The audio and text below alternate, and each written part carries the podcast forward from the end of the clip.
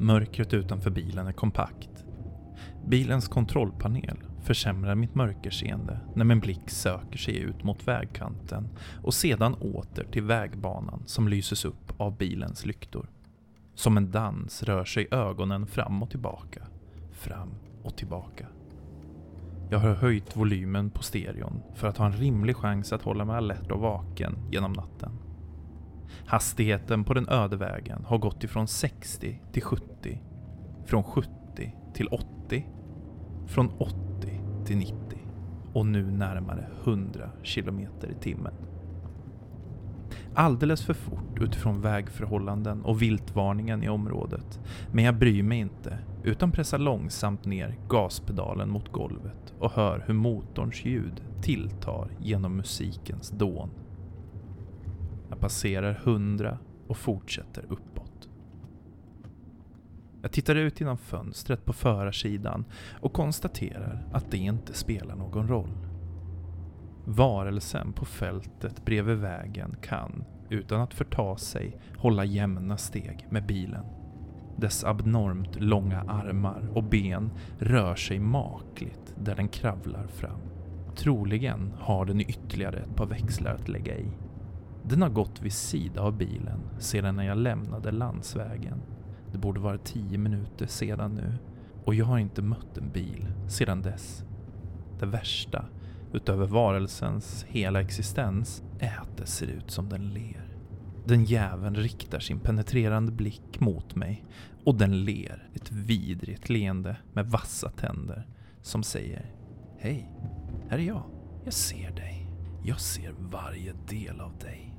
Och du är i mitt rike nu. Du är min.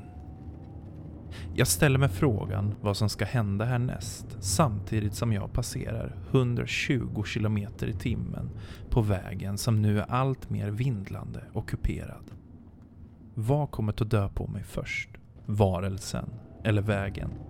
Ett enda felaktigt beslut kommer få förödande konsekvenser men jag kan i ärlighetens namn inte avgöra vad som skulle vara det värsta att råka ut för. Varelsen har nu kommit närmare och den springer i dikeskanten. Jag ser dess klor och hovar. Jag ser dess svarta, spegelblanka ögon som inte släpper mig ur dess blick för en enda sekund.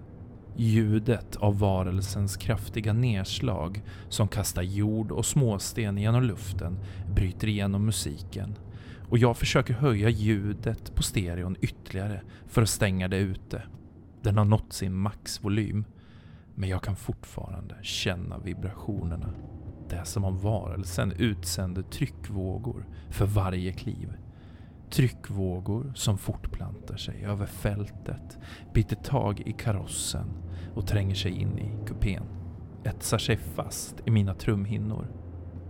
Vägen framför ligger öppen och långt där borta kan jag börja se ljuset. Ljuset från bebyggelsen och liv. Ändplatsen för min resa Pulsen ökar samtidigt som jag ser hur varelsen sträcker sig efter bilen med sina långa klor. Men för varje försök att nå bilen tappar den takten och avståndet mellan mig och min förföljare ökar med ett par meter. Varelsen försöker gång på gång att hämta in mitt försprång men bara för att historien ska återupprepas och att den återigen tappar mark.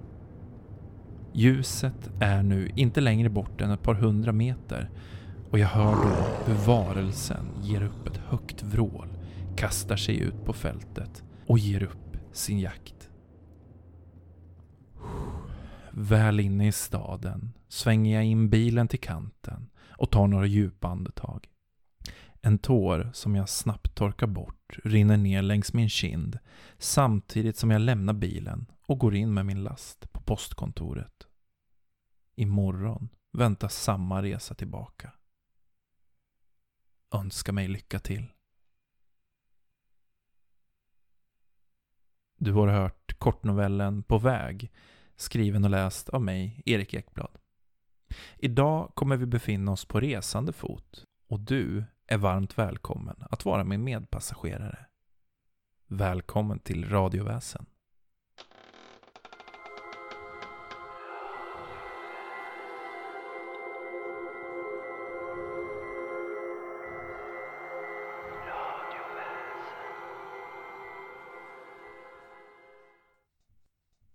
Dagens avsnitt kommer du få höra novellen Bilpendlaren skriven av Oskar Söderberg. Oskar har tidigare varit med i radioväsen både i avsnitt 1, Under jorden, och avsnittet om Getmannen. Oskar har också haft en novell om Stalo med i min kollega Emil Erikssons podd Monsterboxen. Har du inte hört den, så gör det nu. Nu börjar vi. Vi är väldigt många som pendlar mellan Norrköping och Linköping. Med bil tar jag sträckan på ungefär 40 minuter via E4. Min kollega gillar att skryta om hur han hinner på under halvtimmen. Du får själv dra slutsatsen av oss vem som kör lagligt. Och ja, jag är väl medveten om att det går buss och tåg i princip konstant eller att jag och kollegan kan samåka. Men den där halvtimmen i bilen innan och efter jobbet är guld värd för någon med småbarn. En stund av ro innan kvällskaoset startar. Eller, ja, den var guld värd. Det jag ska berätta nu skedde på motorvägen mellan de två städerna. Eller det började i alla fall där. Efter att ha jobbat i Linköping i nästan tre år hade jag åkt samma sträcka, samma tid, med bilen hundratals gånger. Sett samma utsikt på bron över Göta kanal och den där banderollen som sitter fast i trädet strax efter så många gånger att det har blivit meditativt. Inga överraskningar och inget oväntat. Eller så var det i alla fall tills något faktiskt förändrades. Ett par gula, lysande lampor dök upp i skogen strax innan Circle K vid trafikplats Norsholm. Från ingenstans kom de, den där novembermorgonen förra året. Konstigt, tänkte jag, men jag fäste ingen närmare vikt vid dem. Det var väl någon skogsutrustning eller dylikt. På eftermiddagen, när jag satte bilen på vägen hem, tittade jag efter dem, men de var borta. Nästa morgon var de där igen. Ett par meter närmare bensinmacken var det. I en bil som kör 110 km i timmen handlar det inte om många sekunder mellan att något är synligt eller borta, men jag var ändå alldeles säker. Det som var mer förvirrande var att jag tyckte att de rörde sig, som att de svajade fram och tillbaka. Jag frågade min kollega Bosse den dagen om han hade tänkt på lamporna, men det hade han inte. Håll utkik imorgon bitti, sa jag. Precis där vid bensinmacken på vår sida av vägen. Han grymtade något till svar, men kom nästa morgon och bekräftade att han hade sett dem. Bosse frågade om jag visste vad det rörde sig om där i mörkret, men jag hade ju ingen aning. Nyfikenheten växte av Bosses entusiasm och jag valde faktiskt att åka hem lite tidigare den dagen för att se om jag kunde få svar på gåtan när det fortfarande var ljust. Körde lite väl sakta just förbi trafikplatsen Norsholm men kunde inte se något särskilt där. Bara granar. Ingen elektronik eller annat som kunde förklara de gula lyserna. Men nästa morgon var de där igen i mörkret. Jag visste inte om jag såg i syne, men jag tyckte att de blinkade till. Så förvånad blev jag att bilen gled ut på varningsstrecken och däcken började gnälla. Hjärtat bultade och det stack i fingertopparna innan jag återfick lugnet ett par minuter senare. En oro satt kvar i bröstet på mig hela dagen och när det var dags att åka hem tittade jag inte ens åt det hållet. Bosse pratade knappt om något annat kring fikabordet. Alla, utom han och jag, var Linköpingsbor och kunde inte bry sig mindre om några gula lampor utmed motorvägen till den, enligt dem, mycket sämre grannstaden. Jag ville inte egentligen prata mer om dem heller, men jag hade inte orken att säga emot. Varje morgon var de där, och varje kväll var de borta. Sen kom den där dagen med trafikstoppet. Du kanske minns dagen i slutet av november förra året när det rapporterades om köer på E4 som sträckte sig genom i princip hela Östergötland. Jepp. Där satt jag precis innan sista rondellen ut ur Linköping och såg hur kön för att ens komma ut på motorvägen bara blev allt längre. Då ringde telefonen. Ja, svarade jag, lite sådär okoncentrerat. Jag hade inte bluetooth-lurarna på mig och jag ville egentligen inte prata i telefon när jag kör. Det är Bosse. Mhm. Du, jag har svängt in på gamla E4. Linghemsvägen vet du. Jag går snabbare än att stå i kö på motorvägen hela kvällen. Kör in här du med. Ja, men det kanske inte vore en så dum idé.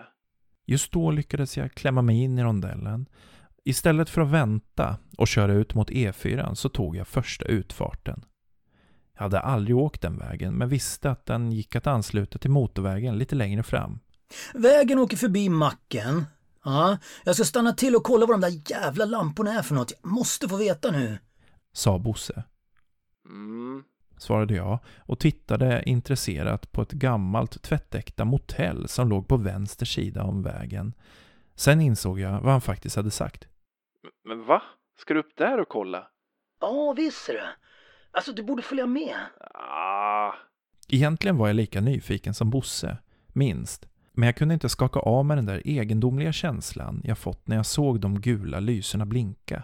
Det hade i stunden känts som att det var något levande där ute i mörkret. Något som iakttog. Kom igen nu. Jag kommer aldrig att berätta vad det är hur mycket den tjatar om du inte hakar på nu. Ja, okej då, svarade jag. Nyfikenheten brann faktiskt i mig och det var ändå bättre att vara två. Aldrig att jag skulle våga gå ut i skogen där själv. Gött, svarade Bosse. Var är du nu? Jag såg mig omkring. Jag åkte precis förbi något ställe som heter Bamas bilar. Det går långsamt här. Det var tjockt med bilar som hade valt att åka den mindre vägen istället för att stå still på motorvägen. Mm. Ja, du är fortfarande i Tallboda alltså. Ja, jag ligger lite före. Eh, Parkera vid vägkanten förbi macken där sen och, och väntar in dig, okej? Okay? Ja, men det låter bra, svarade jag med en klump i magen. Vi ses senare då. Det tog lite tid att komma igenom samhället, men sedan släppte det och rullade på. Jag kunde inte sluta tänka på de där gula ögonen. För det var vad jag allt mer började tänka på att de faktiskt var. Ögon. Pulsen ökade för varje mil jag åkte. Och när jag till slut kom fram till trafikplats Norsholm var det väldigt nära att jag struntade i alltihop och istället tog avfarten upp till E4. Men jag kunde inte lämna Bosse där själv. Han skulle gå upp utan mig om jag inte dök upp. Det var jag säker på. Hans bil stod precis där jag tänkte att den skulle stå. I min nyfikenhet hade jag tidigare suttit med Google Maps för att se om jag kunde hitta någon satellitbild. Det hade jag såklart inte gjort, men jag hade sett en liten avfartsväg som inte ledde någonstans. Om ni går in och tittar själva kan ni lätt se den. Väg 215, precis efter Circle K i Norsholm. Där hade Bosse kört in och parkerat. Och jag gjorde nu likadant. Jag hoppas att du som hör det här förstår att jag inte skriver ut platser för att du själv ska kunna ta dig dit. Snarare tvärtom. Eftersom du vet vad det är hoppas jag att du har vett nog att hålla dig borta. Bilen var tom. Jag såg det redan när jag svängde in. Bosse hade inte väntat. Ett tunt täcke av snö hade lagt sig över bilen, men bakrutan var inte täckt ännu och jag kunde se hur förarsätet saknade förare. Efter att ha dragit på mig mössan och vantar gick jag ut i mörkret för att titta in i bilen. Kanske låg han ner av någon anledning. Men inte. Det var tomt. Det tog inte många sekunder för mig att se fotavtrycken i snön, även om de snabbt fylldes igen. Motorvägen hördes väl trots att det var en bra bit med skog mellan mig och bilarna som mest stod stilla och köade. Ljuden gav mig lite mod. Civilisationen var ändå inte långt borta. Fotstegen försvann upp utmed en övervuxen stig. Bosse! ropade jag, vänd mot stigen. Men inget svar. Om han stod någonstans där ute och väntade på att skrämma mig skulle han aldrig lämna skogen, det lilla aset. Det var runt nollgradigt så kramsnön knarrade under mina fötter när jag, efter många om och men, trampade upp mot stigen och sedan började följa den ut i mörkret. Bosses avtryck var nästan helt igensnöade nu, så jag skyndade mig för att inte tappa bort dem i mörkret. Granarna var först glest passerade men tätnade snabbt när jag kom längre ifrån bilarna. Inom ett par minuter kunde jag inte längre se vägen bakom mig. Jag var omringad av skog. Bosse! Ropade jag igen, men inget svar. Klockan var inte ens 17, men det var becksvart ute. Snön gjorde det lättare att se, men det var långt ifrån tillräckligt. Jag slet ilsket av mig vantarna och plockade upp telefonen. Någon svordom slank ut mellan tänderna när jag slog på telefonens ficklampa. Att vara arg är bättre än att vara rädd. Jag var rädd, men jag ville inte erkänna det för mig själv. Ficklampan lyste upp bra på nära håll, men räckvidden är under all kritik. Jag testade att ringa. Tjena, tjena, jag kommit till Bosse. Jag kan inte ta ditt samtal just nu, men om du lämnar ett meddelande så får vi väl se om jag ringer upp. ja, Men jag fick inget svar. Däremot tyckte jag mig höra en ringsignal någonstans längre in bland granarna. Ficklampan fick lysa upp framför mig medan jag ringde om och om igen och pulsade fram i snön. Den låg riktigt tjock där inne, som ett täcke över all vegetation. Min värld krympte snabbt ner till tre fokus. Snö, gran, stig. Bosses fotspår var nu borta. Jag hade varit för långsam. Eftersom spåren tidigare följt stigen så antog jag att han nu hade fortsatt samma väg. Stigen var såklart översnöad den också, men det gick ändå att se skillnad på den och den övriga snötäckta marken eftersom den var lite nersjunken. Jag stannade upp. Ett ljud. Hjärtat bultade och andedräkten stod som ett moln runt munnen.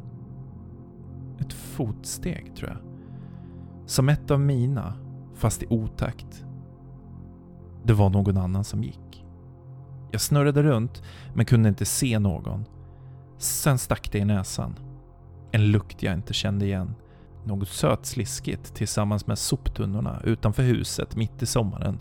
En känsla av äckel spred sig i halsen på mig och jag kunde inte låta bli att hulka. Värme spred sig över ansiktet, men jag lyckades ändå hålla lunchen kvar i magen. Ögonen tårades och jag kände direkt hur de började frysa.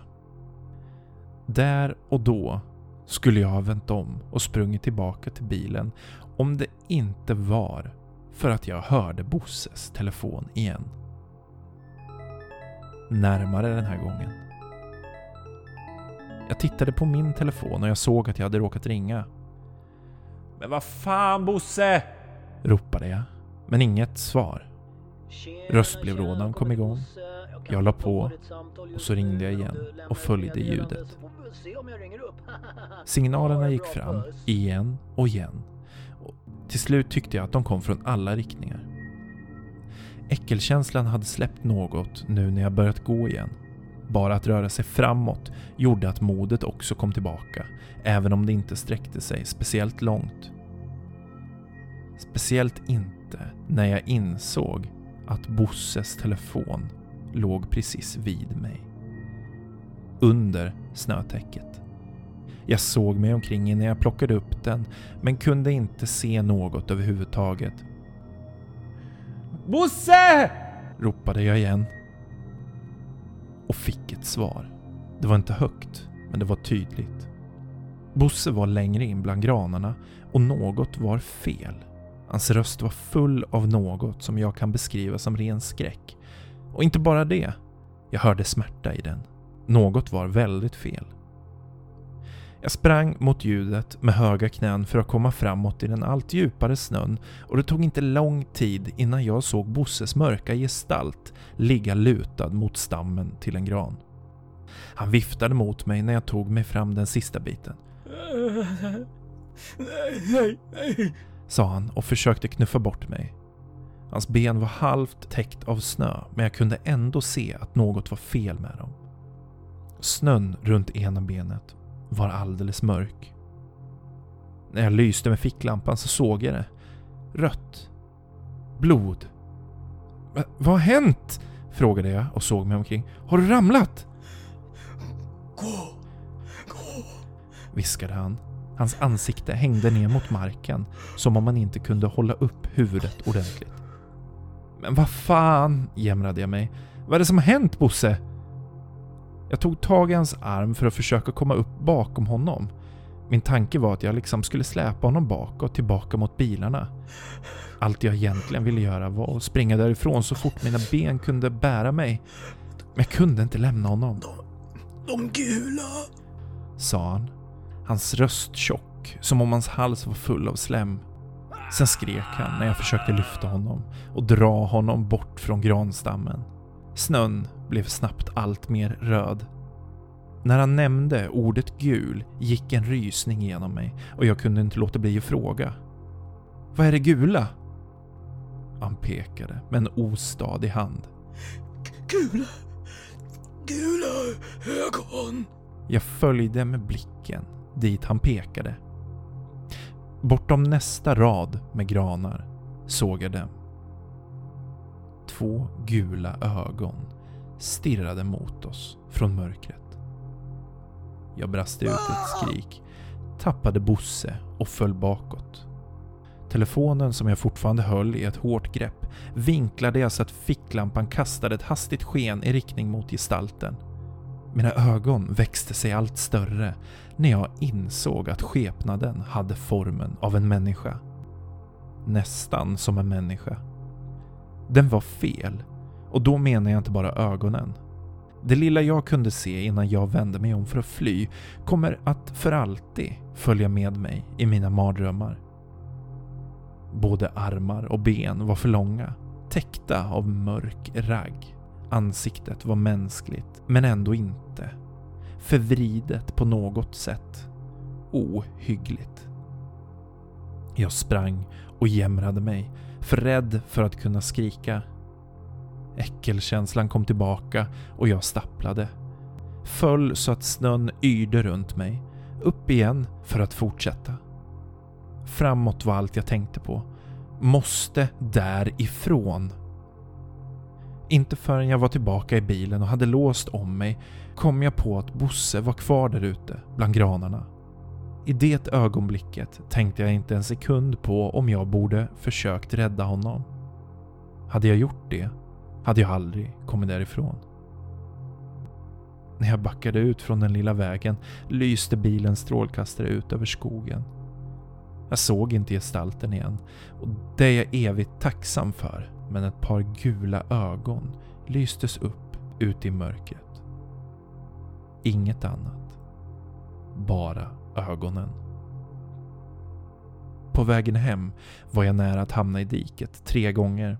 Efter upplevelsen var jag ett vrak. Till slut, flera veckor senare, kunde jag inte komma på fler ursäkter varför jag skulle vara sjukskriven och behövde ta mig tillbaka till Linköping för att återgå till någon sorts normalitet. Hur det nu skulle vara möjligt efter den här mardrömmen som jag genomlevt.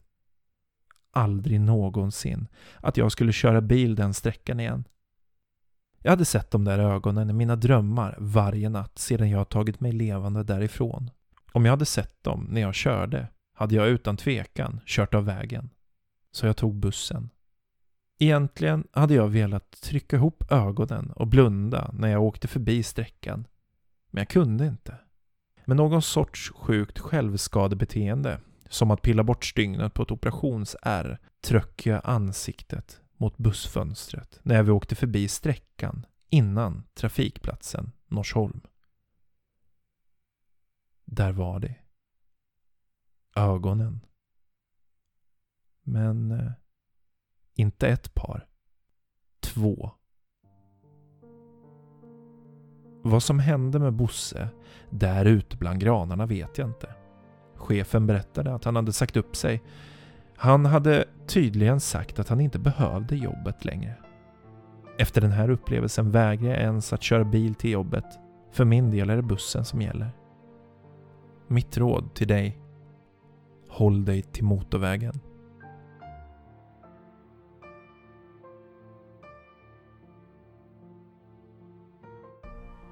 Du har hört novellen Bilpendlaren skriven av Oskar Söderberg med röster av mig, Erik Ekblad och rollen som Bosse av min kollega och vän Emil Eriksson från podcasten Monsterboxen.